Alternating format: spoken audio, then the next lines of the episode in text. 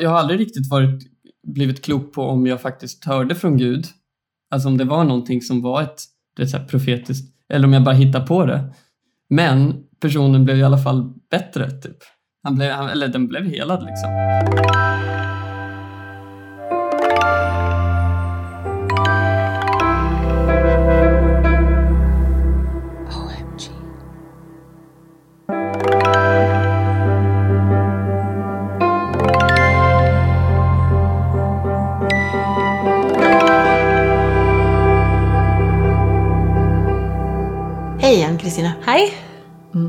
Da begynner vi å bli varme i trøya på dette her. Tredje avsnitt av OMG. Ja, och det sker med en svensk. Absolutt. Mm. Eh, Det var på tide med en svensk. Ja. Og han som vi skal treffe i dag, eh, Joel, det er en, em, en fyr som du fra, fra før av lite grann. Mm, jag har mött honom en gång tidigare. Ja. Joel är en jätteduktig musiker em, och också samtidsdansare. Och vi möttes på en festival och började prata om våra gemensamma erfarenheter från vår kristna uppväxt. Ja, for Joel er jo sønn av en helbredelsespredikant. Han är son till missionär. Ja, som har, og, så Joel har vokst opp i Singapore. Mm, och, och delvis i Indien tror jag också. Og, og, og nå er vi jo inne på, en måte på vår home turf. Ja. pinsebevegelsen, eh, helende møte og omvendelseserfaringer og sånne ting. Og, og Joel, som forteller liksom i, i samtalen med oss etter hvert Når du vokste opp sånn som det, og så, skal, og så får du det ikke helt til å stemme, hva gjør du etterpå? Mm. Og jeg var veldig nysgjerrig på den praten med Joel, fordi at eh, For han, sånn som du har fortalt meg på forhånd om han, så har han så mange erfaringer med ting som gjør at det er ikke så lett å bare pakke det vekk. Nej. Och jag tänkte väldigt tidigt att det hade varit spännande om ni två hade mött varandra. För som sagt var, jag gick ju ut ur den typen av utåtriktad kristen verksamhet. Men det gjorde inte ni. Nej. Så ni har en del gemensamma erfarenheter som ni båda två behöver unpack. Ja, for jeg var jo med i en menighet fram til jeg var 25, Mm. før jeg forlot det. Og da, når man forlater noe, når man har vært i det så lenge, så er det ikke sånn at man slutter å tenke på det. Nej. Og man finner ikke nødvendigvis noen gode svar utenfor heller. Så man sitter med en eller annen form for erfaring som det er vanskelig å håndtere. Mm. Så det er jo også for min del utrolig sånn eh, Hva skal jeg si Eh, Det føles jo som et Hele denne podkasten føles jo som et arbeid som en, som en forskning som jeg trenger. Mm. Rett og slett for å prøve å lande, og kanskje også ta med det beste av det som jeg har erfart. Og det er det jeg opplever kanskje at, at det var spennende i møte med Joel også. Jag undrar om man kan säga att samtalet med Joel på sätt och vis är mest intimt för oss i den bemärkelsen att vi pratar ganska mycket om gemensamma erfarenheter Ja. och drömmar. Um, Og for folk som ikke har vokst opp i dette, så kan det jo kanskje føles litt sånn Hva er dette? Hva, hva, men Ja, kanske. Vi får, vi får se. Ja, det är vanskligt att veta. Ja. Mm. Men jag, jag tänker att drömmar om ehm, den delen av oss som vill vara del av någonting större och ge det goda vidare eh, till världen. Den är väl universell? En universell längtan, eller? Jo, det tror jeg. Og så tror jeg at det kan være nyttig for folk som ikke kjenner til pinsebevegelsen, å vite at det er egentlig en type religiøs bevegelse som er ganske åpen, fordi den fokuserer sånn på å lytte til Guds stemme. Mm. Eh, og at det, ting er veldig personlig. At du, du kan høre fra Gud. Og derfor så er jeg også veldig glad i pinsebevegelsen fortsatt. Det er et potensial der som jeg tror at kan gjøre at man kan snakke i veldig mange forskjellige religiøse tradisjoner, møtes i det. Mm. The spirit, det er jo et vidt begrep, på en måte. Mm. Så Det er vel det vi forsker på. da. Hva, hva er det Hvor er den felles, liksom Fins det, det et felles møtested der den pinsekarismatiske tradisjonen kan møte andre tradisjoner, og at vi kan jobbe sammen? Mm. Och inte bara det, utan också vilka utmaningar har, har vi som har den bakgrunden Ja. i mötet med, med kulturen som den ser ut och hur präglar det oss och vad... Ja. Hur, hur ser Joels resa ut? Ja. I möt, och, och där vi också delar med oss tankar från vår egen. Spennende samtale. Ja, tycker vi. Okej, varsågod.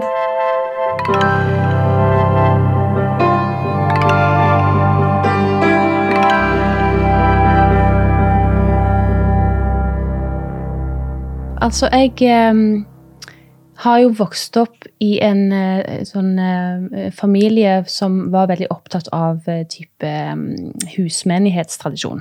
Så en sånn klassisk eh, pinsebevegelse tro, slash trosbevegelse eh, ut ifra egentlig Jesusvekkelsen på 70-tallet. Mm. Så, eh, og i tenårene så ble jeg med i en mer sånn ungdomsbevegelse som var veldig opptatt av liksom, å stå på gaten og evangelisere og alt dette her. Så jeg er jo døpt som 14-åring og har talt i tunge siden jeg var 13 og liksom gjort alle de der klassiske sånn pinsevenn-tingene. Eh, og så eh, har jeg jo i, ja, kan jeg si i 20-årene tatt veldig avstand fra veldig mye av det. Slutta å gå menighet og slutta med liksom Ja, fått et veldig eh, trøblete forhold til Gud, da. Eh, til jeg som 30-åring havna i en skikkelig krise, en eksistensiell krise, som gjorde at jeg ikke lenger kunne utsette de tingene. For det, det har jo ligget i bakhodet veldig lenge, dette Mm. med Gud og, og identitet og tilhørighet og alt det her. Så, så jeg gikk fem år i psykoanalyse. Eh, I den perioden så var det som at jeg oppdaget at det var noe der inni likevel, da. Mm. Som, eh, som ligna veldig på det som jeg før kalte Gud. Eh, så det er vel litt sånn bakgrunnen for at eh, meg og Ann gjør dette. da, bare eh, Kan jeg bruke den gamle troen til noe i det hele tatt? Eh, Er det det samme? Er det noe annet? Og hva kan jeg ta inn av andre ting som jeg har vært interessert i de siste årene? Så det är väl sån väldigt kort där jag är akkurat nu. Och då vet ju jag, eftersom jag har mött dig förut Joel och vi har pratat om vår bakgrund så tänkte jag att det var så spännande att få ett första samtal om med dig eftersom du har haft en del ganska starka, på samma sätt som Kristine också har haft en, ganska många starka andliga upplevelser i frikyrkokristendomen. Och också har kanske inte heller helt stått kvar i den traditionen själv längre. Kan inte du berätta lite om din bakgrund då? Ja, mina föräldrar är ju liksom, de kommer från en okristen bakgrund själva och blev kristna när de var, min pappa hade en ganska så här, um, någonting som skakade om hela hans liv. Han höll på att begå självmord och sen så fick han en så stark omvändelse precis i det. Jag mådde väldigt dåligt. Eh, min mamma kom också från en en okristen bakgrund. Så det blev, det blev, för dem blev det en väldigt så här, vändning i deras liv. Så de ville liksom verkligen dedikera sitt liv till, till det här. Eh, och så var de väl med i EFS och sen kom de med i eh, Livets Ord. Och jag var med i Livets Ord när jag var liten. Sen åkte, vi, åkte de ut som missionärer till eh, Singapore, bodde i Singapore och jobbade med så här församlingsarbete. Där var vi med i någon slags också karismatisk baptistisk församling, typ. Med mycket pingstinslag. Jag har sett allt möjligt. Allt. Alla möjliga gal, galna grejer. Och häftig, häftiga grejer också. Men det, det är en sak. Och sen har jag varit med om mycket när man har liksom bett för sjuka eller upplevt profetiska tilltal, eh, Gud talar. Eller eh, när folk har blivit berörda eh, av Gud på ett sätt som där de liksom skakar eller faller omkull. Och jag har själv varit med om liknande upplevelser också. Både liksom på kanske mer subtila sätt eh, men även när det ser någonting utåt. Det, det finns ju så många olika liksom, fåror inom det här. Du pratar ju om, om den här Jesusväckelsen Mm. som tror jag senare mynnade ut i Vineyard kanske och några andra grupperingar. Och sen finns det ju, det finns ju så här pingst, karismatiker och det finns ju från USA så kommer det ju många liksom frilansare free floaters som typ så här har sina egna ministries och sånt. Och så man har ju sett och hört och mött mycket, mycket olika grejer. Som gör att man både så här kan ta till sig en del intressanta grejer men också tar ganska mycket med en nypa salt ibland. Senere i livet ditt, da, for nå har du jo flyttet til Sverige, og hva hendte på måte? Jag bodde i Singapore och hade ett ganska liksom normalt ungdomsliv. Vi bodde ju liksom i en stor stad i, i Asien så att jag gjorde allt som alla andra gör. Medan mina föräldrar reste lite, pappa framförallt. Men du var aktiv i, i församlingsarbete och... Ja, ja, jo precis, senare. Eh, I Singapore så var jag väl som vanlig ungdom som växer upp. Kanske man är lite av och på. Eh, men sen när jag flyttade ut, jag var typ runt 18-19, flyttade till Sverige. Då var jag, jag var med i någon kyrka i Sverige. Sen när jag var runt 20, då hade jag någon slags andlig kris kan man säga. När man har liksom ändå så haft med sig någonting som man har trott på hela sitt liv. Från ena stunden till nästa så här, att jag liksom tänkte tanken så här, tänk om det här inte, tänk om det här inte är sant. Det var som att det hade funnits någon slags barnatro i bakgrunden som jag inte hade, som inte hade, jag hade aldrig kommit till en sån fråga tidigare.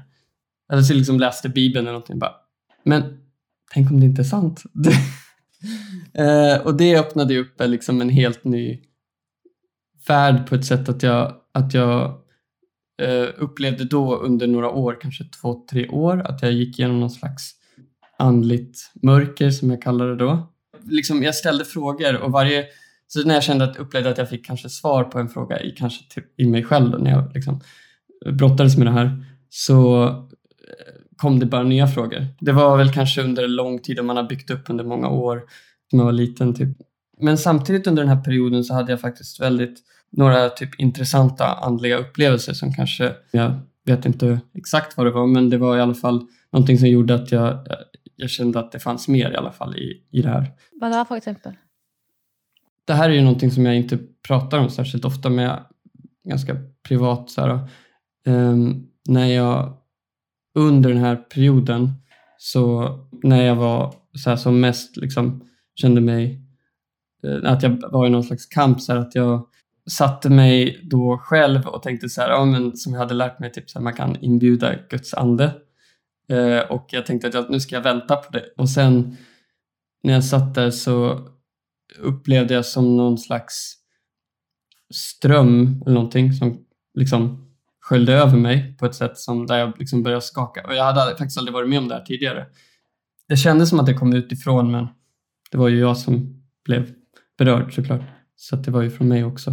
Men eh, väldigt kraftigt. Eh, jag vet inte hur man ska beskriva det men det kändes som liksom någon slags elektricitet eller ström i kroppen.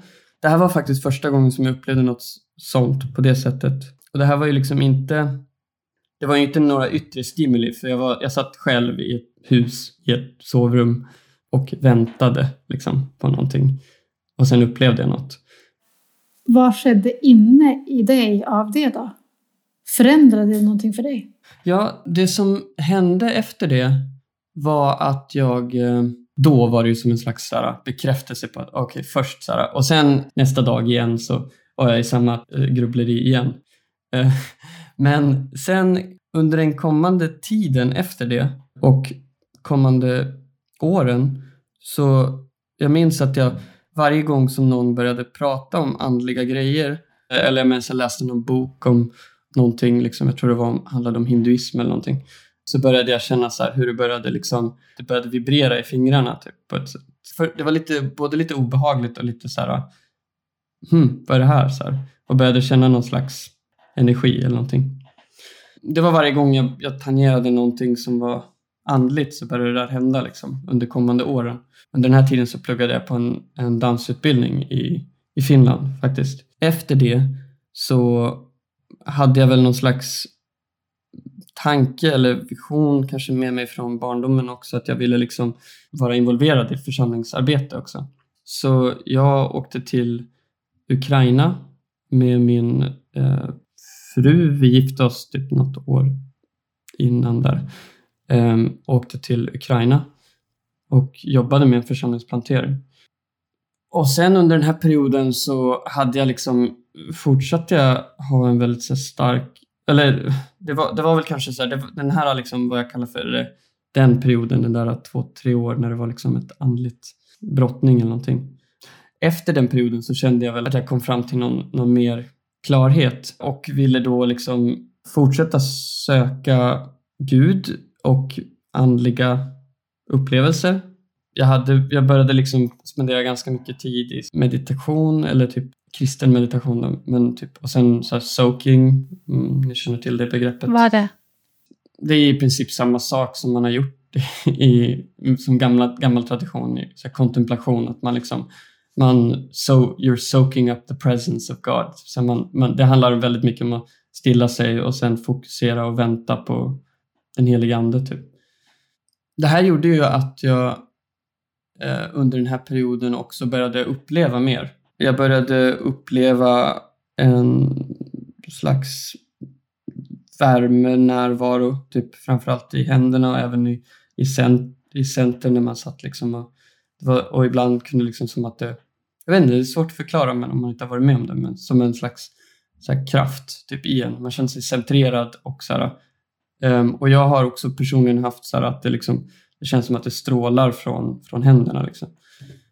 Och under den här perioden, shit, här jag brukar inte prata om sånt här, men, under den här perioden bad vi, eh, jag var också så här, vi var ganska aktiva, och bad mycket för, för helande och såg också människor bli botade från olika grejer. Ibland så var det ju såklart saker som, folk kan ju bli hotade i placebo också, typ, så att man kan uppleva sig bra en stund och sen så kanske det blir sämre igen. Eh, men vi hade också mycket erfarenheter där vi bad för folk som blev alltså på riktigt helade. Jag minns nu när jag bara tänker på grejer nu, det var länge sedan, men en tjej som hade skolios som där liksom bryggen, som hade liksom väldigt tydlig, det var liksom säkert fem, jag vet inte, tio centimeter, var liksom jätte, som blev, där ryggen rätades upp och sen så var hon liksom bra och vi träffade henne liksom. Så att det var ju sådana grejer som hände. Jag tror att under den här perioden så hade jag också, det var liksom vänner som jag kände också i Sverige var också inne på det här att vi liksom sökte Gud på ett sånt innerligt sätt. Och det var ju mycket baserat på den här, den här upplevelsen. Så man, man får den här starka upplevelsen och man mår väldigt bra av den. Man känner harmoni, man känner glädje, man känner liksom en, en djup frid i det. Så då är man så här, då vill man ha mer av det. Så då sökte man sökte vi det tillsammans. Eh, och jag minns när jag var hemma på somrarna så hade vi liksom liknande så här, vi bad tillsammans och det var väldigt starkt. Liksom. Vi upplevde en slags stark känsla. Det var också så här, jag var på, jag minns exakt när det var, med några, några möten. Ibland var det med liksom någon, någon mer känd predikant, ibland var det med någon, men ett gäng vänner typ. Så var det liksom som från den, de punkterna så upplevde jag att det hände någonting liksom i min känslighet i det hela. Man upplevde det ännu tydligare, liksom de där vibrationerna, eller vad man ska säga, i luften. Sen efter Ukraina, så när jag kom tillbaka till Sverige, det var som att jag också blev lite trött på en del grejer. alltså det var, allt det här var väldigt härligt, men det var mycket liksom i strävan som ingår liksom i det karismatiska paketet. Som handlade om både så här kulturmässigt, att det finns mycket grejer som man inte känner igen sig i kanske. Man skulle alltid ha mer av allting hela tiden. Så det blev som en liksom inre press att man hela tiden skulle söka efter mer, mer, mer upplevelser. Mer känsla, mer kära. Det skulle vara starkare, det skulle vara... eh, och jag kände i alla fall att jag blev väldigt trött på det. Och jag hade väl egentligen känt det under många år kanske för att det är någonting som finns med i ens, liksom i, ingår liksom att man, det är klart att man ska alltid försöka vara en bättre person och man ska söka så här. Men med, med karismatiken så blev det liksom som en andlig stege att klättra upp för. Du ska, upp, höra, ja, du ska höra Gud bättre och du ska uppleva Gud starkare. Det blir som någon form av eh, konsumtionskristendom. Ja, typ. Vissa verkar ju inte uppleva det. Det kanske har att göra som man är som person också. Eller hur, man, hur, hur, hur hårt man drar det till sin spets, typ att man verkligen vill söka det här. Då, då kände jag att jag började bli trött, liksom, för att det fanns inget slut på hur långt söka mer och mer. Vi åkte hem då för att vi upplevde att vi ville flytta tillbaka och jag ville plugga lite mer på, eh, på universitetet. Eh, och sen upplevde vi väl att vi var typ färdiga där. Vi hade bott där i två och ett halvt år, men en rolig tid egentligen med vänner som jag har kvar. Framförallt en del kulturarbetare som jag har faktiskt kontakt med fortfarande. Det var mycket knasiga grejer som hände också med, med folk som hade varit i andra kyrkor kanske och sen kom de till oss och de hade liksom ett extremt märkligt sätt att se på, på livet och Gud. Jag tror att jag alltid, eftersom att jag kanske är uppvuxen med det på ett sånt sätt, jag, och min pappa var väldigt aktiv i, som liksom, församlingsledare och inom karismatik och så. Så att jag, jag hade väl lite att jag tog det lite alltid med en nypa salt, liksom en del av de här övertonerna. Men det var så väldigt mycket märkliga grejer, alltså att jag, jag var liksom lite trött på det när jag kom hem till Sverige. Började plugga. Blev lite involverad i en kyrka här och levde ändå kvar i det här äh, andligheten. Ähm, den typen av äh, spiritualitet liksom, där man sökte innerligt och ville också hjälpa människor genom att förtjäna Eller liksom. Men det var väldigt så här äh, mycket jobb hela tiden. Så här klättra, klättra. Och jag kände väl att jag ville vila från det. Tog ett steg bakåt från det här. Eh, så var det som att jag kände först att det var väldigt skönt men jag, jag hade, hade kvar liksom en linje in i det här. Sen efter ett tag så började jag liksom, när man hade tagit, varit borta ett tag så bara Hjälp, vad är det folk gör för någonting? Och så började liksom en annan slags dekonstruktion dekonstruktiv process börja i mig. Där jag började liksom fundera kring mycket större frågor. Liksom hela, ja men typ så här, också inom så här, psykologi, kanske hur mycket, hur mycket är det jag som... En till sak var att jag, jag såg liksom hur otroligt människocentrerat hela tron är. Så här, antropocentriskt, typ att allting kretsar kring vad jag gör allt som jag gör har liksom en kosmisk inverkan typ på något sätt. Att Gud är ju med mig, Gud, Gud liksom leder mig. Och det, det var som att jag bara fick mig en riktig tankeställare. Menar du då folk i, i kristen... I kristen tro, och jag kanske tror i, i, i andlig. Eh, alla som lever i en sån djup övertygelse, en väldigt så här, benhård tro som är också väldigt inrutat i ett system där det finns där man vet exakt hur det, hur det ska gå till. Men en, en sak som jag också liksom funderade det var väl kanske en sån, att den där tanken igen kom tillbaka till mig. Så här, hur vet jag, hur, hur kan jag veta liksom? Hur kan jag veta att, att det här är, att det är så här?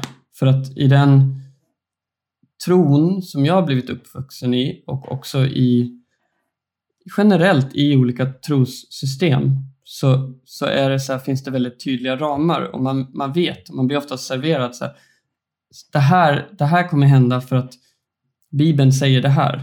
Eller, liksom, eller det här händer efter, efter liv, livet efter detta, då händer det här. Men det är ju ingen som har varit där och kommit tillbaka. Det är ingen som egentligen vet. Och det är på något sätt vi som ändå har, det är vi som människor som ändå har liksom konstruerat tron, eller de här ramarna som vi sen förhåller oss till. Så det var väl den frågan som kom, dök upp då, så här, hur, hur kan du veta det här liksom? Så det började en slags process i mig där jag kände att jag liksom gick ifrån det här och ändå hade liksom med mig det här, alla de här upplevelserna, allt det här.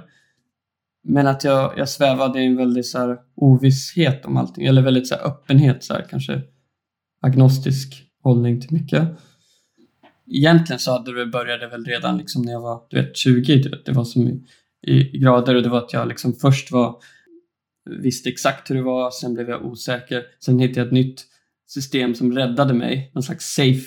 Liksom, så här är det. Och sen igen så öppnades upp och så var jag liksom så här eh,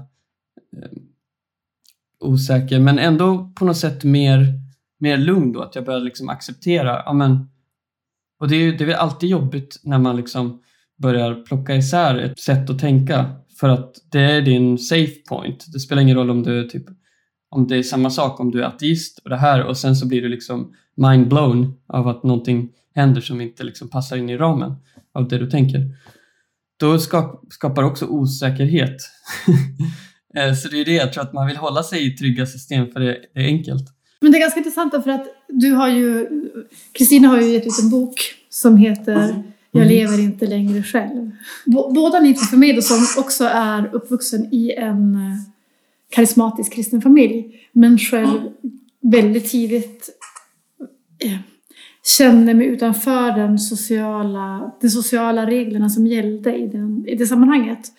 Mhm. Och, så, så jag skulle säga att jag redan som kanske 12-åring gjorde tron privat. Mhm, mm. Mm. Framförallt så var, var tron någonting som skedde mellan mig och Gud. Ni två har en ganska liknande historia, du och Kristina, för, att- för att ni har båda två haft, som jag uppfattade det, Mm. Gud har varit så starkt kopplad samman med människorna som tror på Gud. Eller vad säger ni om det? Absolut. Man konstruerar ju det här liksom, tron utifrån sitt, sitt gemenskap. När man tänker på mötet, att möt, man möter Gud, då är det liksom i, i, det är oftast i en gemenskap. Ibland är det ju själv också. Men det är ju någonting som, man har alltid det som en bakgrund. Det är som att man är aldrig, eh, man är ju alltid i ett sammanhang, alltid. Och även som människa så är jag är ju ingenting utan de relationerna runt mig som definierar mig. Så att, det är liksom, så att man har ju alltid det som... Så det är ett sammanhang som tron skapas. Ehm, eh, och det är ju liksom, jag tror att katolska kyrkan menar ju det. Det är kyrkan som bär tron och sin andlighet. Det kan vara privat, men, men kyrkan har tron. Liksom. Kanskje jeg- jeg kan legge til, eh, vi snakker om åndelige opplevelser, mm, Ehm, så tenker jeg jo Altså, det som virkelig var vanskelig for meg med alt dette, det var jo den der følelsen at du, vi må Vi har et ansvar for å for, altså, frelse andre, da. mm, At andre må tro på akkurat denne måten her. Hvis ikke, så sant? Så det er jo den fortellingen jeg aller mest har hatt behov for å dekonstruere. mm, Hvem kan Gud finnes, og hvordan kan Gud være hvis ikke dette er sant? Kan jeg tro på Gud mm, og, og slippe å måtte ha akkurat den der slitsomme tanken? Ehm, så sånn sett så har troen alltid vært, for meg vært veldig sånn Den, ja, den har med Den har en agenda, da. mm, mm, Men, men jeg vil også legge til at åndelige opplevelser for meg Jeg har jo på en måte opplevd at de forsterkes når man er sammen med andre. mm, Så man kan jo kjenne det som du beskriver, det kjenner jeg igjen, den følelsen av elektrisitet. Og man kan Mm. sitte for seg selv helt alene på rommet sitt og kjenne Guds nærvær. da. Men, men man, jeg husker jo også veldig godt hvordan det var å sitte sammen med eh, syv, åtte, ni andre i et rom og, og bare kjenne det liksom nesten på huden. Mm, Og at det forsterkes, og at det er ikke noe som jeg har kontroll over. mm, Så kan man jo lure på om det bare er psykisk, eller om det bare handler om ja, at man kan kalle det for menneskelig energi, da, eller hva det nå er for noe. mm. Men, men eh, Det har jeg lurt och. Ja, ikke sant? Det kan være begge deler. Men jeg lurer jo på, i, i, i det tidspunktet som du er i din fortelling akkurat nå Tenkte du da at, at Gud og, og, og så helende og alt det som du forteller om, at det var reelle ting, men at kanskje bakgrunnsstoryen til det kanskje var Mm. annerledes? Precis. Ehm, det var det jag började fundera på. Eh, om vad, vad var det som jag upplevde? Var det bara liksom i min hjärna eller var det bara... Det, det vet man ju liksom att, att upplever man till exempel eh, en andlig upplevelse, den kärl, det, det är samma hormoner som släpps lös som till exempel om du blir kär. Oxytocin pratar om. Så att, att det kanske bara är en slags mänsklig grej. Eh, samtidigt att det finns väldigt mycket mer hos människan än vad man eller kanske någonting som man har vetat om tidigare men man har liksom, vi har tappat bort det i modernismen och i vår modern tid. Människan kanske har ett, en större kapacitet och det är ju faktiskt någonting som finns så otroligt mycket upplevelser. Det är som så allt, alla de här upplevelserna som sker i världen hela tiden. Det kan inte bara liksom svepas undan som att det inte är någonting. Du vet. Jag har själv upplevt det i inte eh, manipulerade eh, miljöer alls. Där en person, man har liksom varit i ett vardagsrum, en person blir eh, helad från någonting som, som inte går att bota. plus att det finns liksom en del, jag tror att katolska kyrkan har ju sådana här, där de verifierar mirakler liksom genom att det ska vara, finnas liksom läkarjournaler på det. det ska vara så, här. så det sker ju mycket grejer som man inte kan förklara. Eh, For min del så var det sånn at min dekonstruksjon hadde å gjøre med ideen om himmel og helvete. mm. Jeg fikk ikke det å gå opp. Mm. Eh, Så jeg hadde en veldig konkret grunn til å måtte dekonstruere mine åndelige opplevelser fra teologien. Men Mm, hvordan var det mm. for deg? Var det, en, var det en grunn til at du følte at du måtte gjøre dette? Jag, började ju, jag läste ju liksom någon bok för typ tio år sedan också om himmel och helvete. Och det var inte så att jag då kanske tog, som jag tog till mig direkt så vad som sades i boken. Men i efterhand så liksom var det många, det satte igång många tankar typ. Och jag tror att det var en del av min dekonstruktion också. För det var just den här frågan så här, med, med de som predikar väldigt tydligt så här, så här är det. Du, alla som inte kommer gå till helvetet. Men hur, hur, hur kan man veta det för det första? Och sen, det var liksom ett invest, filosofiskt argument kring så här, Guds kärlek också, om själva så här, definitionen av vem Gud är. Om, får inte Gud, om Gud är Gud, får inte Gud vad han vill. Det är liksom själva definitionen på Gud i princip. Ja, så det, det satte igång mycket tankar, absolut. Den där. Eh, jag tycker att senaste tiden så har jag liksom börjat triggat igång en liksom andlig, ett andligt sökande i mig igen. Det har väl aldrig riktigt försvunnit egentligen. Men det var liksom, det var, jag vet att det var vid en tidpunkt när jag, okej, ja, men nu tror jag inte på Gud längre, nu, det är okej. men sen när jag gjorde det så var det ändå som att det kom tillbaka en känsla ganska fort. Men det är ändå någonting som består. Det finns ju alltid någonting som, som, står över, som består hela tiden. Typ. Själva existensen består ju. Liksom, var, var, var kommer allting ifrån? Jag har bär med mig allt det här och jag har börjat få en, en djup tro på någonting igen. Men det, men det är liksom på Gud kanske. Men det, det är mycket mer mystikt och det är så mindblowing. Eh, samtidigt öppnar det upp och är fantastiskt eh, vackert också. Så de berättelserna runt tron har blivit, eh, Har kommit mer i bakgrunden för dig? Ja, jo men det kan jag nog säga. Alltså att, eh, precis. Jag eh, tänker mig ju, jag känner ju själv att jag är på ett sätt mer troende nu än vad jag någonsin har varit. För det blir för att man är mer ärlig med allting. Du vet, man har blivit brutalt ärlig med vad jag, och det här är liksom, samtidigt så, så tror jag att jag skulle uppfattas som liberal teolog eller för att man inte håller sig till liksom klassiska kristna dogmer. På något sätt så kan jag känna att jag kan omforma dem, dem ändå, men de är inte så, de är mer i periferin, alltså de är liksom lite mer öppen. ja, Gud är for real, men, men alla de här def- mänskliga små definitionerna man försöker fånga in Gud, de är bara uttryck för liksom våran mänsklighet. Vi försöker liksom vi försöker förstå, vi försöker ringa in för att göra det lätt för oss själva. Ehm, du har jo bedt mye for folk. Mm. Har du slutta med det? Eh, Jag ber för min dotter.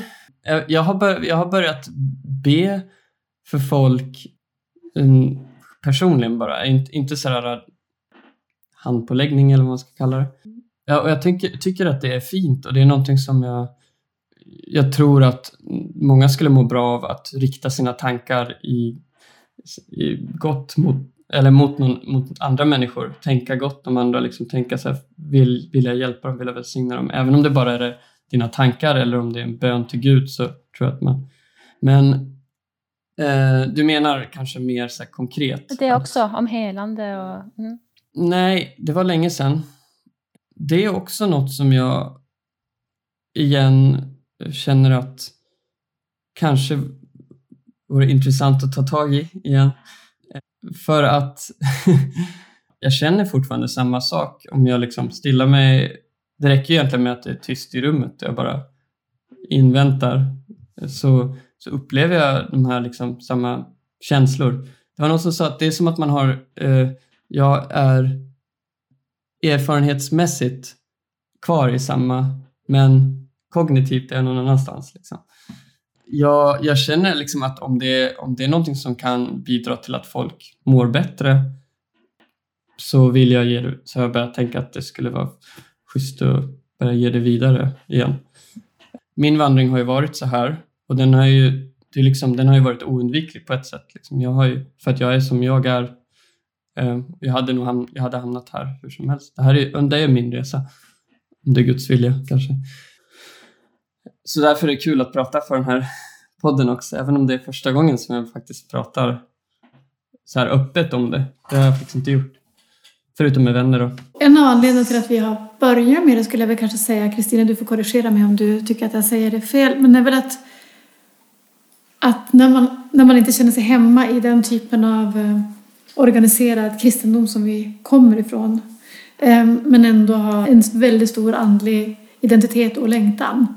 Mm. Så hur ska vi förvalta det då? Mm. Och var, var ska alla människor som har en andlig längtan men inte kommer från en tydlig andlig bakgrund, var ska de ta vägen? Alltså, Hur ska vi kunna prata om det här? Hur ska vi kunna Mm. hitta en ny form av gemenskap? Och det, jag tror att det är en sån eh, rörelse också. Vi är ju i ett sånt, sån tid där frikyrkan, det här evangelikala projektet på, från typ 70, 80, 90-talet, ja, så här, och det finns många barn från den tiden, är, går i liknande tankar. Man har upplevt mycket, mycket grejer. Eh, man har en tro på Gud, eh, eller inte, eller man försöker hitta, omdefiniera den eller någonting. Men man behöver community fortfarande, samtal. Det är så fint att det finns en spännvidd mellan att folk som nästan är ateister och sen de som är liksom sökande någonstans och sen de som är ganska fortfarande traditionella men, men kanske ifrågasätter vissa grejer. Till. Det som är fint är det att folk är ärliga. En sak som jag tror att man ofta hör om man är i, i, i kyrkan och tron är liksom Eh, man får absolut inte kliva utanför tron, då, är du, då har du fallit bort. Typ. Alltså är man där, då är man ju där. Man kan inte, liksom, man kan inte så här, tvinga in folk i, ett, i någonting där man inte är i, sin, i sitt sinne. Typ. För då är det inte genuint ändå. Det är inte genuin tro. Om du, så här, du ska hålla fast vid dogmer du ska, så här, som du inte faktiskt tror på. Då tror du ju ändå inte, men du säger att du tror. Alltså alla vi tre har ju eh, olika kulturella uttryck vi håller på med. Du gör musik, Kristina också. Um, vi gör film. Kan du uppleva att en del av dina, din andlighet får plats i musik? Eller dans eller det?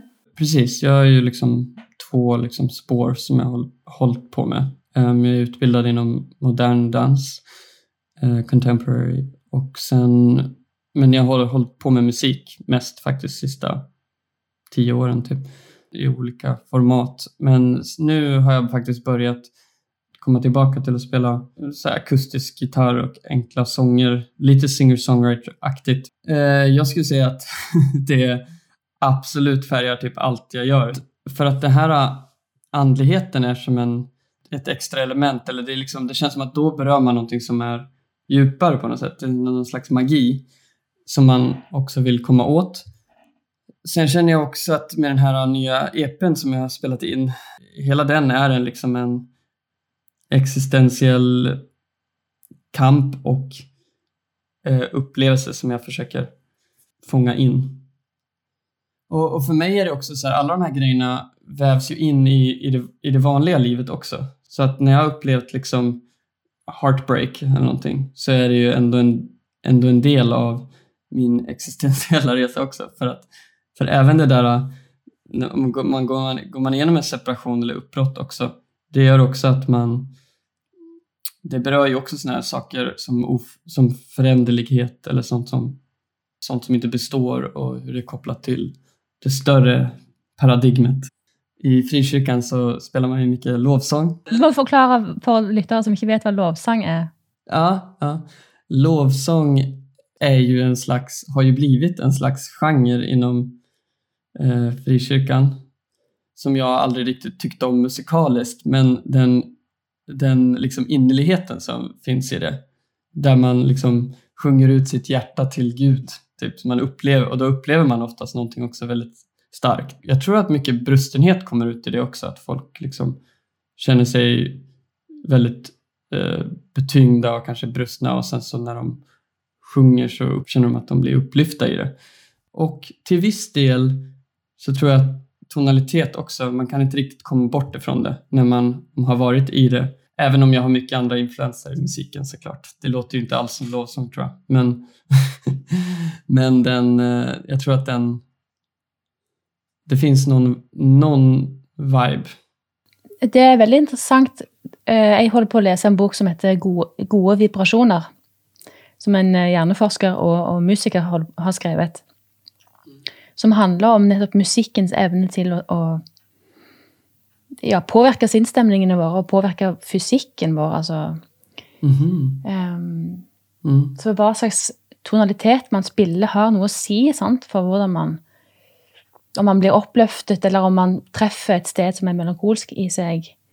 Mm. Og kan gå fra det melankolske stedet og liksom komme opp, da. Mm. Så kanskje du har Det finnes jo lovsangsmusikk som er på en måte insisterende happy. Eh, og det kan jo være bra noen ganger, og andre ganger så kan det være eh, egentlig ganske destruktivt fordi man ikke tar imot de følelsene i seg som kanskje hadde trengt å få trøst. Mm. Ehm, men jeg tror kanskje at, at vi som kommer fra k- frikirkelig bakgrunn, ehm, kanskje intuitivt forstår noe av dette fordi vi har vært så Musikken er på en måte inni oss på noe helt sånn ehm, Den är kopplad till Gud. Ja, men det är väl kanske att det, det berör. Alltså jag vet också folk som har varit, som har aldrig upplevt det och sen kommit in i en, en fri kyrka och blivit väldigt berörda och börjat gråta typ.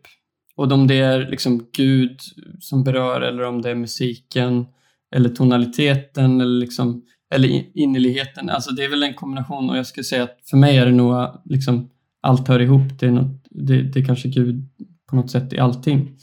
Jag liksom kommer ihåg när jag vid någon tidpunkt när jag blev lite äldre att jag, jag, jag blev lite rädd nästan för den här musiken som, som, som påminde om det. Till exempel när jag först började lyssna på Sigur Ros kanske. Så de, slår, de spelar sådana ackord på ett sånt sätt som för att det här är ju det som, det här påminner ju om här, min upplevelse i kyrkan, men det kan inte vara Gud här. För att det här är ju sekulärt. Typ. Alltså i alla religioner när man liksom använder såna här pentatoniska skalor, typ att det, det berör på, på ett sånt sätt. Och det, det är ju magiskt i sig. Jeg må Att si musiken, Ja, jeg må si, jeg hørte på en sånn en, eh, Ram Dass-innspilling for noen dager siden. Eh, det var en sånn mantra som han gjentok. I am loving awareness. Ja. I am loving awareness. I, i 15 minutter eller noe sånt. Og så var det en veldig sånn, du vet sånn, indisk pentatonskala som bare gikk i bakgrunnen, og veldig sånn flytende, veldig sånn flowing. Og, mm, og jeg må si, altså, jeg kjente et veldig sterkt nærvær. mm, Og jeg er ikke sånn Jeg er ikke veldig sånn at det plutselig skjer med meg. Men det gjorde det da i den musikken. mm. Eh, og da kan man lure på er det fordi at det minner meg, tar det meg et sted som minner meg om noe, eller er det en slags spirit i musikken? Og at det er spiriten som styrer hva slags musikk man lager? Precis. Jag tycker det bara är magiskt att det liksom att man kan bli berörd av sådana saker. Så det är som, det är som så om det kanske är någonting mot, som är väldigt primalt i oss kanske. kan det vara, liksom, som är, men då är det också naturligt, alltså, det är ju nedlagt i oss i så fall. Jo, men akkurat når det gjelder den Ramdas-situasjonen, så var det- Jeg vil si det var ikke emosjonelt. Mm. Det var- det, blev, det var emotionellt. Nei, det var, det var ikke det var emosjonelt. inte emotionellt. Det var mer et, en sterk kjensle av nærvær. Ah. Så det er det jeg mener som er litt sånn tricky for meg å, å, å forstå, og veldig spennende. Mm. Men frågan är hur mycket man måste förstå då? Ja, ja. Men det er klart, Det, det, altså hvis, hvis, man, det- har, hvis man har vokst opp med at, at eh, tro det er i denne boksen, mm. så kan det jo være skummelt Mm. å, å åpne opp for på måte hinduistisk meditasjonsmusikk. Okej. Så, så jeg mener det er derfor. det skulle vara väldigt off limits. Ja. Eh, men precis, men det du sa också, Ann, eh, typ att det, det är ju den grejen jag har släppt lite också, att jag behöver inte förstå längre, utan jag kan ändå så här, äh, ge mig själv till det här utan att ha alla svaren. Så känner jag ganska mycket. Um, Nej, men jag, jag tänkte också mycket på det här med musik. Jag tänkte faktiskt på det i, igår senast. Vad är det som berör i musik och i konst generellt? Um, och du kan ju höra någonting som är perfekt skapat, men det, det finns, man pratar om att det finns ingen själ i det. Så det känns som att det inte, det berör inte mig typ. Eh, och sen är det liksom de enklaste uttrycken ibland, liksom när det är väldigt raw eller mänskligt på något sätt. Eh, då kan man bli väldigt berörd av någon, någon som har skrivit en sång, väldigt enkel sång, han kanske inte sjunger perfekt men han uttrycker sin sorg över någonting man blir väldigt berörd för att det, liksom, det gensvarar i mig, typ, så att jag känner igen det här. Precis som med så här, är det inte cello som är det instrument som är närmast mänskliga rösten? Eh, och många säger att de älskar cello. Det är liksom det som är favoritinstrumentet bland de flesta. Och det, och det är liksom så här, det, det, är som att det, det kopplar till vår mänsklighet på något sätt. Att vi så, men, men, det, men det i sig förklarar inte ändå musikens mystik och så här, magi. Typ. Att, vi, att vi blir så djupt berörda av det här. Mm. Jag tror att det är att man, man tar på någonting som är, som är transcendent typ, så här, i det här. Det, det är utanför vår förståelse, vi kan inte få tag i. Och där i, i konst generellt så är det något som berör vår, liksom, som kan beröra. För att det är just för att det är ett utrymme också som är fritt från förklaringar. Alltså, ja. vad behöver man förstå? Den frågan mm. igen. Alltså, mm. Ingen sätter sig väl och, och, och försöker analysera tonsammansättningen för att uppskatta verket teoretiskt för man upplever det. Alltså, mm, mm, mm. upplevelsen är i centrum. Ja, och då blir det renare på sätt och vis kanske. Ja, ja precis. Sen är ju Arvo Pärt är ju intressant som du var inne på. Eh, för att det är ju också liksom, det som han jobbar med var ju tystnaden. Typ. Och jag också, när jag var inne på det här eh, soaking meditationsspåret väldigt mycket, så liksom eh, att det är eh, i tystnaden som man upplever Gud. Man upplever det där, för då är det som att bruset stillas ner. Och det är det man också, i, i, i Arvo Perts musik också, så är det så otroligt, det är som sån närvaro i varje ton. Man bara Men kan jeg spørre deg, eh, Joel, tror du det er en sammenheng mellom for, du, for meg så virker du som en veldig estetisk person. Og, og en intuitiv person som, som eh, er i kontakt med deg sjøl. Du har kanskje alltid vært sånn. Og, og, ja, ja. Men, men, om det er sant, eller om det har blitt sånn, eh, tror du at det er en sammenheng mellom på en måte å oppleve åndelige opplevelser og det å være en, mm. en sensitiv person. Och vad ska man göra om man inte är en ja, sensitiv person och har lust ja. att ha en andlig upplevelse? Ja, men det, det, tror jag absolut. Jag, jag tror att jag, jag har all, nog alltid varit så. Um, när jag var liten också, jag kommer ihåg att jag, jag vet inte, jag har sådana minnen från när jag var liten, typ att jag bara, typ när vi, när vi flög flygplan så lyssnade jag alltid på jazzkanalen för att det var liksom, satte mig i sinnesstämning och då var jag typ bara 8-9. Jag kommer ihåg men jag, sen tror jag att det här, äh, min egen eh, dekonstruktiva resa, alltså sen jag var 20 då, tror jag också har öppnat upp mig lite ännu mer för, för att ibland så tror jag att, att tron kan bli som ett skydd från att uppleva sina känslor på riktigt också. Man säger, ja men jag, jag flyr till Gud. Man säger ju till och med så. så men, men jag tror att också att det har med så här, genetic makeup att göra också. Att vissa människor kanske är mer mm, man är känsliga på det sättet kanske. För till exempel min, min pappa som jag älskar och respekterar djupt. Han, hade, han säger att han har aldrig upplevt något sånt. Som vi, vi pratade om det här tidigare för länge sedan. Värme och energier och jag kunde, om jag gick in i ett rum kunde jag känna på ett visst sätt och så eh, och även liksom under så här, andliga möten att man kunde, jag, upplevde så starka så energier på något sätt. Och det har han aldrig gjort, sa han. Och han har ändå liksom praktiserat samma grejer som, som jag har gjort eftersom jag så här, kanske bett för folk eller han har rest runt och predikat mycket. Sett så här, utåt sett vad de skulle säga för starka möten. Eh, folk som ramlar omkull och allt möjligt. Men, men han själv har aldrig upplevt någon sånt, säger han. Tror du, det, tror du det är något man kan utveckla? Det tror jag. För eh, jag läste om, det här var när jag läste, jag lä, läste några kurser förut i så här, all, andra religioner, nya religioner och det var för några år sedan. Då minns jag att jag läste om olika andliga grupperingar, bland annat någon grupp i Indonesien som, där de pratar om dem så här, en, ett, ett, en initiation som var som någon slags öppnings... eh, Man öppnade upp sig typ i den, man fick så här, någon slags handpåläggning och det öppnade någonting. Och sen efter det kunde folk känna saker typ så här, som, på ett annat sätt. Det är nog en kombination eh, av en slags...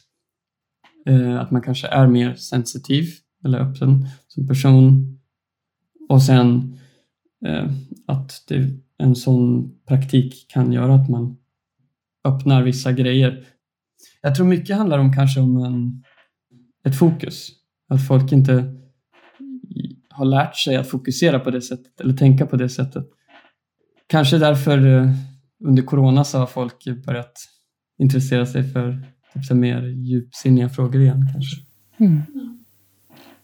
Men i hvert fall Det- en ting som man kan si om korona og, og dette, det er jo at man, nå kan man ikke få ta på folk. Man har jo ikke lov, man har jo ikke lov å ta på folk nå. Ikke sant? Mm. Og, og Mm. det for meg eh, har gjort meg mer bevisst på hvor ofte jeg gjør det, hvor, hvor naturlig det er for meg å ville ta på noen. Mm. Em, og, og jeg har tenkt Jeg har jo begynt å lefle litt forsiktig med tanken på at jeg kanskje også kan Om jeg ikke, har- ikke har varme hender, men om at jeg kan eh, hele folk. Eller om Mm. det er en, en, en, en gave som jeg kan være nysgjerrig på om jeg kan dytte litt i, i meg sjøl. Tenk om det virker, liksom. Mm. Hvor, Mm. hvorfor ikke bare prøve det? For apropos korona, når jeg da ikke kan gjøre det, så, så blir det tydelig for meg at det er noe jeg har lyst til. Mm. Ja, Og det syns jeg er spennende. Alltså min, eh, för någon dag sedan så hade min, min dotter hade ont i pannan sa hon när hon skulle sova. Hon är fem. Jag bara okej, så jag tänkte jag väl, jag typ, typ la en hand på eller liksom, jag vet inte om jag bad eller. Och sen så, så typ tog jag av den bara och så sa hon, då ville hon att jag skulle ha kvar den där för att det var skönt liksom. Ehm, Så bara den grejen, även om det inte är liksom ett mirakel, så, bara, så, så hon somnade med, med handen på pannan. Så här. fint. Ja, det var väldigt fint faktiskt. Varför jag tror att det finns mycket till det, eh, inte bara liksom att jag tror att, att Gud helar, men att till exempel inom eh, kinesisk medicin så är det ju, man pratar ju om qi och folk har sådana upplevelser av energi utan att de ens är specifikt troende eller man, man praktiserar kanske tai chi eller qigong eh, och då känner man också en energi som jag själv upplevt som en slags ström som kommer från kroppen. Och ibland så, någon gång så där det har liksom hänt och sen så känner man så här, shit nu händer det någonting typ. Eh, och sen frågar man bara, hur känns det? Så bara, det känns, nu känns det, jag har ingen smärta längre. Men jag tror inte att det är sådär, det är bara, ja, nu gör vi det. Och sen, utan det finns mycket mer, mer till det. Det finns liksom någonting att lära sig i det. Och det, det är någonting att utveckla, någon slags teknik. Jag lurer på, når du snakker om tai chi og, og qigong og overføring av energi, alltså og så snakker vi om helande i, i, i Jesu navn. Eh, helbred, helbredelsens nådegave. Eh, tror du at dette er Nå det er hodet mitt igjen, altså, men jeg, tror du at dette er naturlige ting, altså naturlige gaver i mennesket? En sjette sans? Eller tror du at, at det er Gud som gir det? Jag tror att det är både och faktiskt. Det finns inom i kristna kyrkor där folk som inte har någon, liksom ett litet barn som lägger handen på någon, inte kan någonting och sen så bara boom, blir personen helad. Eh, men däremot så finns det, tror jag, också en slags praktik som man kan lära sig, där man kan känna av det här och bli bättre och kanske till och med fokusera den här energin. Om, och det kanske är det är något mänskligt som kanske ligger hos alla egentligen. Och det behöver inte vara någon motsättning. Det är det. Det kan vara, det kan vara Gud, Gud som helar, men det finns mer till människan än vad man tror. Nu har vi pratat om helande som en, som en andlig upplevelse. Och Det är ju som en social aktion på sätt och vis. Alltså du gör, Gud ger någonting som du ska ge vidare. Men alltså, Mm. vad är en andlig upplevelse? Och finns det helt subjektiva andliga upplevelser? Precis. Ehm, ja, alltså det finns ju liksom sub- väldigt subjektiva eh, som jag själv har upplevt. Där man upplever sig som att man blir ett med allting nästan. Eller man, oftast kan man, efteråt känner man en slags enorm energi och harmoni och det är nästan som att man det är nästan som man har tagit droger för man är en helt annan man är liksom så här bara, wow, så upprymd så att det eh, sen finns det ju liksom kollektiva upplevelser som vi var inne på tidigare, som Kristin var inne på. Som jag också upplevt där, som jag ibland har tyckt när jag har varit i den här dekonstruktionsprocessen har också för mig varit eh, ganska så här starka evidens på att det kan finnas något större, något mer för att folk har haft sådana upplevelser där alla bara upplever någonting som, som händer just nu i rummet utan att någon förväntar sig att det ska hända. Typ. Så blir det som en slags, alla upplever Kan inte du exemplifiera någonting? Ehm, man är i ett husmöte kanske och så upplever man alla liksom en väldigt stark närvaro typ plötsligt som bara så här, på något sätt upplevelsen är ju som att det dyker upp eh, att den heliga ande liksom dyker upp. Sen kan det bero på massa saker, absolut. Men, men det är definitivt en sån grej som jag har upplevt så många gånger i olika situationer, både liksom ute i en park, i ett vardagsrum eller på ett möte eller i, i Indien. Det är som att det känns som att det är en annan energinivå i rummet. Bara så här, plötsligt så händer någonting, boom, och sen så bara wow, bara alla, alla börjar uppleva så här, någon slags känsla tillsammans. Och det tror jag att man, om man inte själv har kanske upplevt det, kanske har med din makeup, generic makeup också, så kan man bortförklara det som trans kanske. Men jag tycker inte att det känns alltid så... Det känns lite förenklat att säga så tycker jag. Men det kan vara så omanipulerat också, det är det. Det kan vara så att det kommer från ingenstans och man bara plötsligt så känner man det tillsammans. Dette er veldig spennende å snakke om. Ja, men det är väldigt spännande. Men jag tycker så här saker som profetiska tilltal då. Mm. Vad har ni för erfarenhet av det? Nå går vi bare all in. All in, all in. Nu är det, nu är det no turning back. Eh, Men jeg syns det, er- det er utfordrende på en måte også, for det, det er jo mye av dette jeg har forlatt. Jeg har, jeg har lemnet mye av det her. ah, ja. Mm. Så det er jo på en måte Jeg kunne ikke hatt denne samtalen for typ fire-fem år siden. Men jag kan också säga att för mig, det är det jag tycker är intressant med det här också, att för mig var det också så här, för några år sedan så kände jag väldigt så här, eh, lite motsättning mot att kunna prata om det, för jag kände det kändes nästan, det kändes lite konstigt och från, jag kände mig frånvarande när jag pratade om det och det, jag kunde inte heller rikta min fokus mot något större för det kändes bara konstigt. Typ. Det är väldigt intressant hur psyket funkar, alltså. man kan liksom utvecklas mycket och förändras mycket. Okej, men profetiska tilltal och, profe- och att höra från Gud. Det här tycker jag är ett väldigt intressant ämne för att eh, jag är också uppvuxen i en tradition där man där det är liksom alltid baserat på tilltal från Gud. Typ, du hör och, och, alla, och folk slänger med det ganska enkelt. Det är ganska så här, ja men Gud sa till mig i morse att eh, bla bla bla bla bla och så sa Gud det här och när jag var liten så jag bara, hur hör man från Gud? Hur hör man? Och jag försökte verkligen höra från Gud och spenderade väldigt mycket tid i, i bön och liksom att höra. Och sen senare när jag blev äldre också då hade med mig det här såklart att jag ville höra från Gud. Och att det jag tror att många av de här säger när de säger att de hör från Gud, de vill göra det lite enkelt. Eh, de, men det är liksom att de, de kanske upplever någonting inne i sig. Men det kan ju vara väldigt godtyckligt vad det är. Folk har ju alla möjliga profetiska tilltal. Till exempel så var det ju alla de här, du vet, eh, hot prophets i USA. Ni kanske har sett. Eh, det var ju typ, finns ju några YouTube-klipp med, de har sammanställt alla som profeterar att Trump skulle vinna valet. Och bara, God told me so clearly, I heard without a doubt Trump's gonna win. Så jag vet, de får mycket att... Ja. Jag tror att liksom i olika traditioner, till exempel, jag läste någon bok av Stinnesen, Wilfrid Stinnesen, eh, där han sa att de är sådana munkar, jag vet inte om det var karmelitermunkar eller något annat, väldigt försiktiga med att säga att Gud talar i motsats till den karismatiska rörelsen där Gud talar hela tiden till mig. Typ det är nästan lite crazy liksom.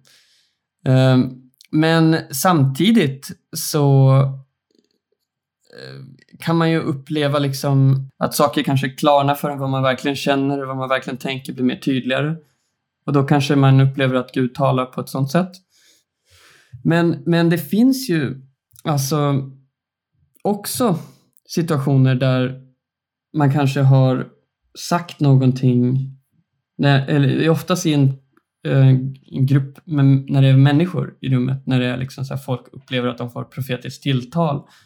De inte vet någonting om den andra personen, men säger typ exakt vad personen, vad den situation handlar om eller dens liv eller liksom också, jag har också varit med om när folk har sagt saker som de absolut inte skulle kunna veta om eller någonting som har varit liksom lite guidande in i rätt riktning kanske. Även kopplat till eh, att man har någon kanske får vad de kallar för ett heter kunskap, kunskapens ord. Typ. Men då menar man liksom ett tilltal från Gud där de, en person kanske har, det finns någon i det här rummet som har eh, haft problem i vänster öra typ i ett år och om, om det är du kan du visa dig. Um, och sen så, så är det, så finns, kanske finns någon i rummet och då har personen ibland blivit helad. När de, för oftast är det ju, leder ju det till att de ska, man ska be för dem efteråt. Eh, och sådana grejer är faktiskt lite lite oförklarliga tycker jag. För att jag har själv varit med om det några gånger. Där man har, det är som att man får för sig någonting. Bara typ så här, ah, jag får för mig att det är någon som, jag vet inte om det är jag, men det kanske är någon som har det här. Och sen så kanske den personen ger sig till känna och sen blir den helad eller någonting av vad det nu var. Om det var liksom döv i ett öra eller någonting eller något mindre, kanske korsbandsskada eller någonting. Har du upplevt det? Ehm, jag har upplevt det. Jag har aldrig riktigt varit, blivit klok på om jag faktiskt hörde från Gud. Alltså om det var någonting som var ett det är så profetiskt. Eller om jag bara hittar på det. Eh, och sen råkar det vara en person som var där. Men personen blev i alla fall bättre. Typ. Han blev, eller den blev helad liksom. Men det kan man säga var intuition också. Och var kommer intuitionen ifrån? Precis. Precis. precis. Alltså jag tänker att det, det kan ju också vara från Gud. En sak som jag ska berätta om bara för att den är, apropå intuition, det var att jag var ute och cyklade jag hade varit i centrum och skulle till min lägenhet och det var inte så långt däremellan. Så tog jag en väg och så kände jag i hela kroppen att jag skulle vända och ta en, den andra vägen istället. Men jag var ju typ 200 meter från hemmet. Det fanns ingen anledning att jag skulle vända. Så jag struntade i den intuitionen och cyklade vidare och cirka 20 meter därpå så blev jag påkörd av en bil och bröt käken och slog ut tänderna. Oj! Och ja, vad ska man... Kan man tenke da Fordi jeg har tenkt mye på hva er på en måte bare kontakt med mitt underbevisste. Hvis jeg tilbringer mye tid i meditasjon, f.eks., så, så man snakker om det i forskjellige religiøse tradisjoner, at man kan liksom nærmest koble på underbevisstheten sin. Og den har jo masse informasjon som man ikke går og tenker på til vanlig. Mm. Ofte når jeg er i en sånn på en måte vibe, at jeg også klarer å lage musikk. Altså at jeg kan skrive en sang fordi at jeg ja, ja. Mm. Plutselig forstår et eller annet, eller at plutselig så kommer det Og så kan man jo si at Fins den sangen et sted i universet fra før, eller, eller mm. Altså mm. Og at det å lage en sang, og det å lytte til sin intuisjon, at det Eller høre fra Gud, at det kanskje ikke er så forskjellig, da. At man, det er litt sånn Det er samme metode. Mm. Hva, tenk, hva tenker dere om det? Ja, jag tänker att det, det ligger nära liksom att alltså om vi är, vi är, om man skulle liksom följa den kristna tanken att vi är skapade av Gud och att vi kan höra från Gud, det är kanske det som ligger i det. Typ att, att vi har en intuition som det är vi gjorda för det här livet liksom. Att vi, alltså det är ju någonting i det där att när man, när man stillar sig, det är så svårt att förklara men det är som att man, man kan uppleva, snappa upp saker, eller uppleva saker som, som man kanske inte skulle tänka på annars. Jag är, jag är väldigt inne på det, så här att, liksom att det är ju här, jag, jag är närvarande i det här nu och Gud är liksom i mitt liv på något sätt och att den där äh, intuitionen är en del av det också. Eller hur allting, alla grejer som jag gör, som jag tänker, det är ett ganska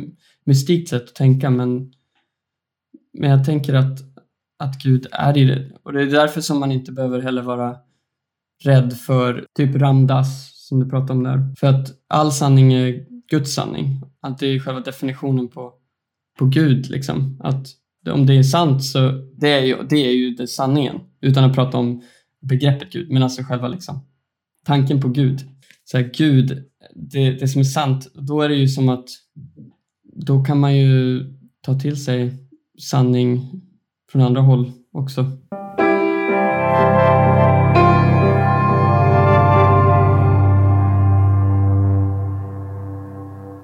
Nej, men jag tänkte, jag tänkte säga också att jag, jag tror på något sätt att eh, på något konstigt sätt så, så tror jag att det är en slags andlig väckelse också i den här dekonstruktiva processen som många går igenom över hela världen.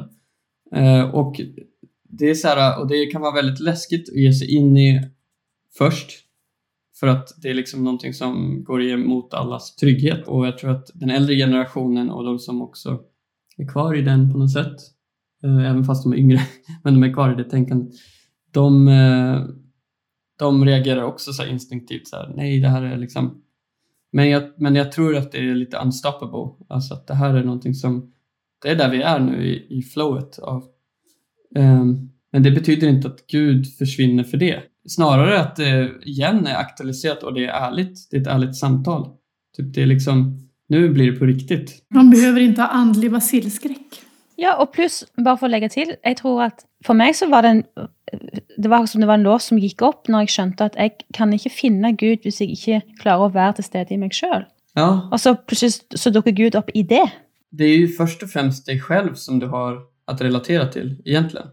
Och det vore nog nyttigt för många i kyrkan också att, att, att kanske lära sig. Men, men det är liksom, det där är ju också någonting som jag tycker är något fint som finns i religiösa traditioner och i kyrkan också. Det här med discipliner, ibland andliga discipliner som ramar in tillvaron. Människor behöver det i, i samhället också. Man behöver de här ritualerna. Typ att eh, för att må bra, om, om någon i din familj skulle dö, då har du liksom i alla fall kyrkan som du går till och så har du den här eh, trygga punkten, du vet. Så här, där varje vecka går du dit, eller du går i tidig bön några gånger i veckan och så har du liksom någonting som ramar in det. Eh, och även, jag tänker i, i livet också, alltså vilken grym sak egentligen att så här, börja dagen med att landa, reflektera, tänka över, så här, stilla sig själv. Hur mår jag? Hur, vad tänker jag? Be, kanske be. Och sen kanske avrunda dagen med det också. Det tar ju inte lång tid. Det handlar ju bara om discipliner, typ att folk inte har dem. Nu kollar man på telefonen det första man gör. Det är kanske den rutinen man har. Öppna telefonen, kolla Facebook innan jag somnar.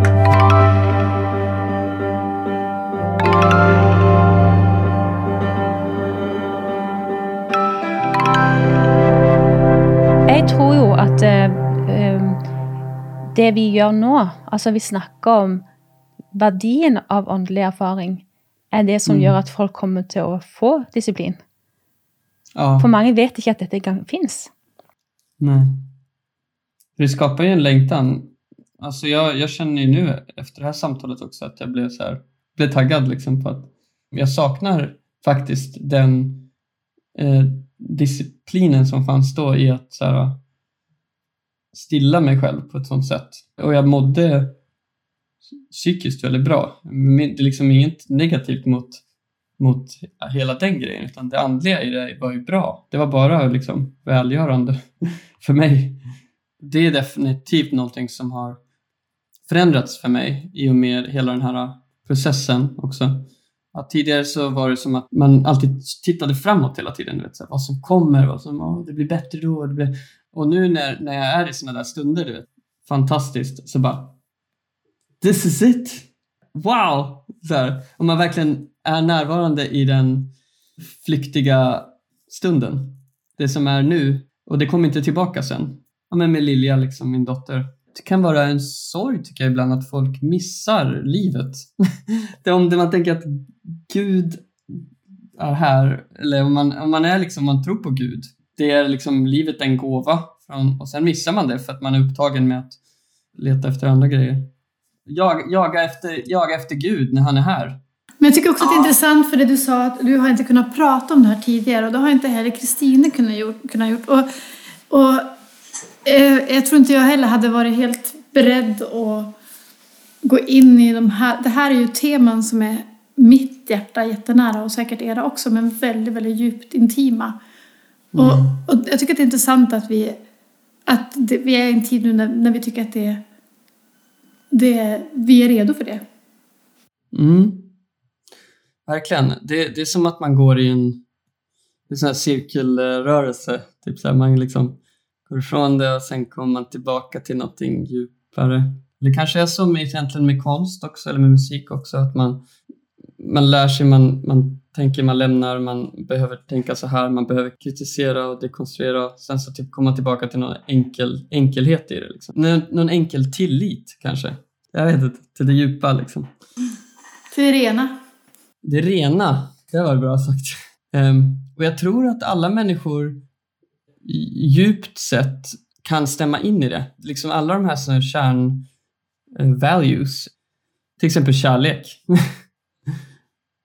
alla bara, ja, yeah, that's the meaning of life. Typ. Det är det så här. Ja, och kanske också vad det står att de saliga de rena av hjärtat för de ska se Gud. Mm. Och att eh, noe av det behovet for å forstå ting så voldsomt før man kan gi seg hen, det mm. forkludrer den renheten. Mm. Hvis man oversetter dette og, og, og tenker det som faktisk en, en, en, fysisk eller en spirituell sannhet, mm. eh, så kan man ikke se Gud hvis man prøver for hardt å forstå alt mulig. Ja. Man, altså, et rent hjerte, det er på en måte en oppriktig, en barnlig sånn mm. en, en kjærlighetslengsel, nærmest. Mm det gjelder jo samme hvilken religiøs tradisjon eller hva slags eh, på en måte mm. trossystem man, man, prøver å søke Gud gjennom. Hvis man er ren av hjertet, hvis man virkelig ønsker å finne Gud, så vil man jo mm. ifølge den eh, ifølge bergprekenen så vil man jo da finne det. Mm. mm. det. Og det har vært veldig godt for meg å lande i det. At jeg, jeg trenger ikke å være så redd da, for å tro feil eller gå utenfor eller Nei. Hvis jeg søker med ett rent hjärta så vill jag finna Gud. Precis. Eh, och det där är ju något som är så otroligt fint tycker jag, varför jag också så här, kan verkligen se, även om jag kanske inte alltid håller med om, om det som många personer som i min um, som jag känner som kanske har ett annat sätt att se på världen, typ som är, kanske kristna kanske som eh, men att den där liksom längtan finns ju hela tiden. Att de, de vill ju, och utifrån sin, där de är, så söker de Gud på, på det sätt som de kan. Och så känner jag också att jag vill också liksom söka det rena, typ det som är från Gud.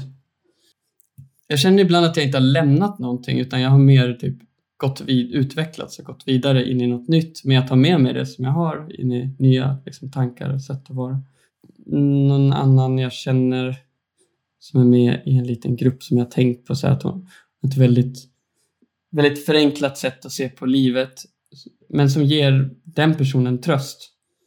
Och kanske förklarar allting på ett väldigt enkelt sätt. Jesus gjorde det här idag, Jesus gjorde det där eller... Men that's whatever floats her boat, känner jag ibland. Men sant, da er vi litt tilbake til det med å, å ha et rent hjerte. For hvis det betyr Altså Hvis man oversetter det å ha et rent hjerte til mer sånn New Age-språk, da, mm. eh, så vil man kanskje si at man har en ren vibrasjon. Mm -hmm. Så vil man få kontakt med Gud. Mm. Og jeg, jeg, tenker på det som at hvis, for eksempel, hvis jeg har dårlig samvittighet for noe, så er det vanskelig for meg å høre Guds stemme. For det skurrer, på en måte.